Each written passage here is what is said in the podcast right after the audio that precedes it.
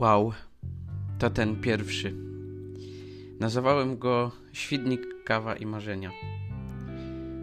No i ten pierwszy będzie trochę o mnie. Myślę, że warto się poznać bardziej i zrobić mały background do reszty tematów. Jest rano, Deborka poszła do pracy, a ja zrobiłem sobie kawę w oczekiwaniu na zajęcia z angielskiego. Plus, jeszcze później prowadzę szkolenie właśnie w firmie Debory. No porobiło się. Ale wróćmy do kawy. Pamiętam, jak tata nauczył mnie pić kawę. Wcześniej w gimnazjum piłem takie e, cappuccino z torebki, ale gdy byłem w liceum, w domu pojawił się mały ekspres kolbowy. Od tamtej pory ten napój jest nieodłącznym elementem mojego dnia. Z czasem poznałem różne techniki, profile smakowe, odmiany. Kawa jest dla mnie kwintesencją poranka i pracy. Ten zapach naprawdę ma coś w sobie.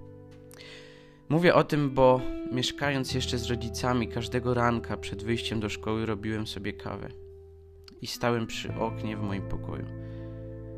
To był czas, kiedy bardzo, bardzo chciałem już być na swoim i żyć swoim życiem.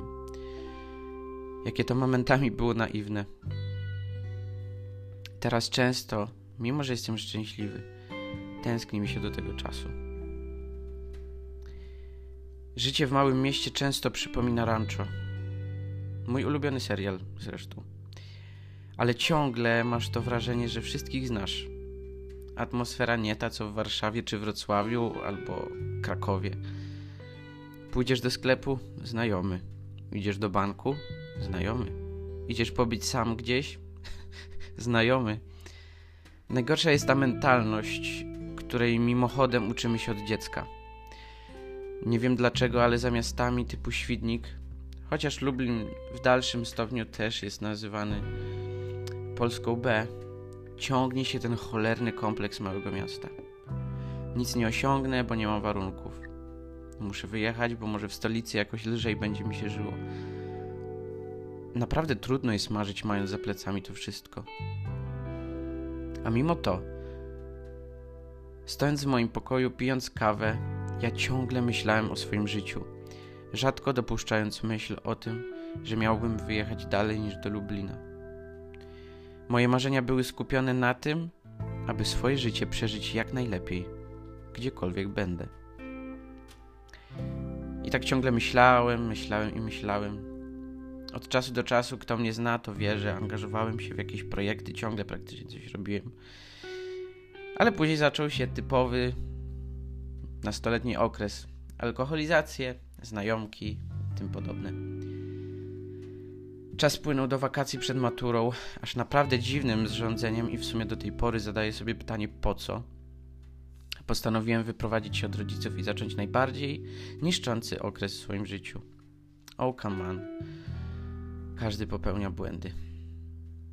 Chyba nigdy po czterech miesiącach nie byłem tak zmęczony życiem, chcąc udowodnić wszystkim dookoła, że umiem już żyć po dorosłemu. Nie potrafiłem. Potrzeba było jeszcze troszeczkę czasu, żeby doszlifować niektóre rzeczy. Ale kończąc tę czteromiesięczną wyprawę, o której chyba dłużej nie będę się rozwodził, nie miałoby to dobrego wpływu na mój wizerunek. Zaczął się chyba najbardziej przełomowy okres w moim życiu. To wtedy postanowiłem całkowicie pójść za Bogiem, ogarnąć swoje życie i naprawdę żyć swoim życiem. Moim, nie wymyślono moim. My często lubimy sobie kreować idealne życie, a chodzi o to, żeby żyć tym, które mamy.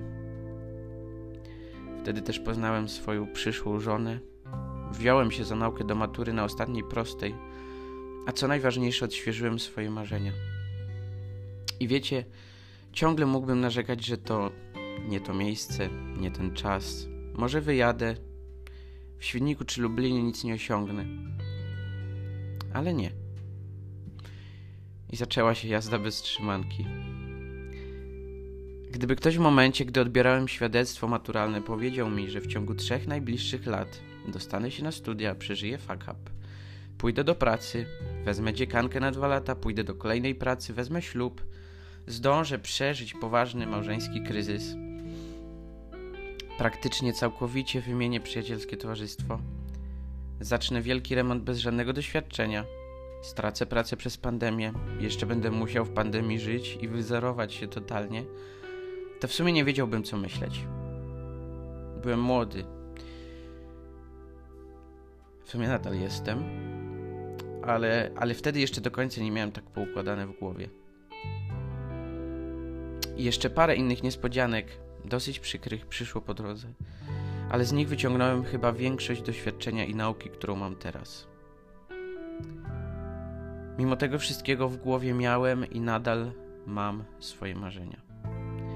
Zawsze chciałem mieć życie, które będzie błogosławieństwem dla innych, z którego ja będę zadowolony, ale nie będzie do końca skupione tylko wokół mnie. Moje wnętrze to dusza społecznika, lidera i ciągłego wymyślacza pomysłów. Zawsze jak pracowaliśmy w grupie, to dla... przecież wiadomo było, że Mateusz będzie ogarniał. Nieraz z większym zapałem, a czasami z zapałem tylko na jeden dzień. Nigdy nie chciałem dać sobie wmówić, że będąc ze świdnika jestem gorszy. Przykro mi było, gdy widziałem moich znajomych, którzy zaczęli robić kreatywne rzeczy, pisali blogi, rozkręcali Instagramy, kręcili filmy, rozwijali się zawodowo, a reszta z naszego środowiska się z nich śmiała. Bo jak można na zadupiu zajmować się czymś takim? Tak dryfuję sobie po życiu, przeżywając wzloty i upadki, kolejne zranienia, ale i momenty pełne chwały. I swoją historię dalej chcę kreować tam, gdzie jestem. Fajnie byłoby wyjechać do Włoch albo do Stanów, ale wiem, że moje miejsce nadal jest w tej naszej Polsce B. Chcę wyciągnąć z życia to, co najlepsze. Nie poddając się w tych wszystkich ciężkich momentach, teraz mogę powiedzieć, że jestem szczęśliwy i wszystko idzie w dobrym kierunku. Znowu studiuję, prowadzę misję. Wiecie, czasem ludzie się mnie pytają, jaki jest sens misji w Polsce? Ano jest. Są ludzie, o których nikt nie pamięta. Nie przejmuje się nimi, a jak się pomaga, to systemowo. A tu chodzi o ludzi. Co niedziela jemy obiad i modlimy się z ubogimi na Starym Mieście. Codziennie praktycznie staram się polepszyć życie naszym podopiecznym, organizując pomoc ze wszystkich możliwych stron. Czasami się uda, czasami nie. Jak to w życiu. W lipcu szykuje się na trzytygodniowy wyjazd misyjny do Ugandy. Mam cudowną żonę. Pomogłem rozkręcić firmę, która całkiem dobrze się teraz rozwija, ale przyszedł czas, kiedy trzeba było puścić jej stery. Dwa kundelki towarzyszą mi każdego dnia. Zyskałem tytuł protestanckiego duchownego i nadal kocham kawę. Teraz codziennie pracuję nad tym, aby przestać się w końcu naprawdę przejmować. Jednym z elementów tej pracy jest właśnie ten podcast. Serio, serio, zależy mi na osiągnięciu tego, co zawsze było w moim sercu. Więc dlaczego mam tego nie robić? A co najważniejsze, mogę dalej rano patrzeć w okno, tym razem już w swoim mieszkaniu, i skupiać się na kolejnych marzeniach, bo swoją historię kreuję tam, gdzie jestem. Swoim życiem chcę żyć tam, gdzie jestem, bo to moje życie, dane mi do twórczego wykorzystania. I serio, możemy napisać naprawdę ciekawy scenariusz, nawet jeśli myślisz, że dotarłeś do Polski Z.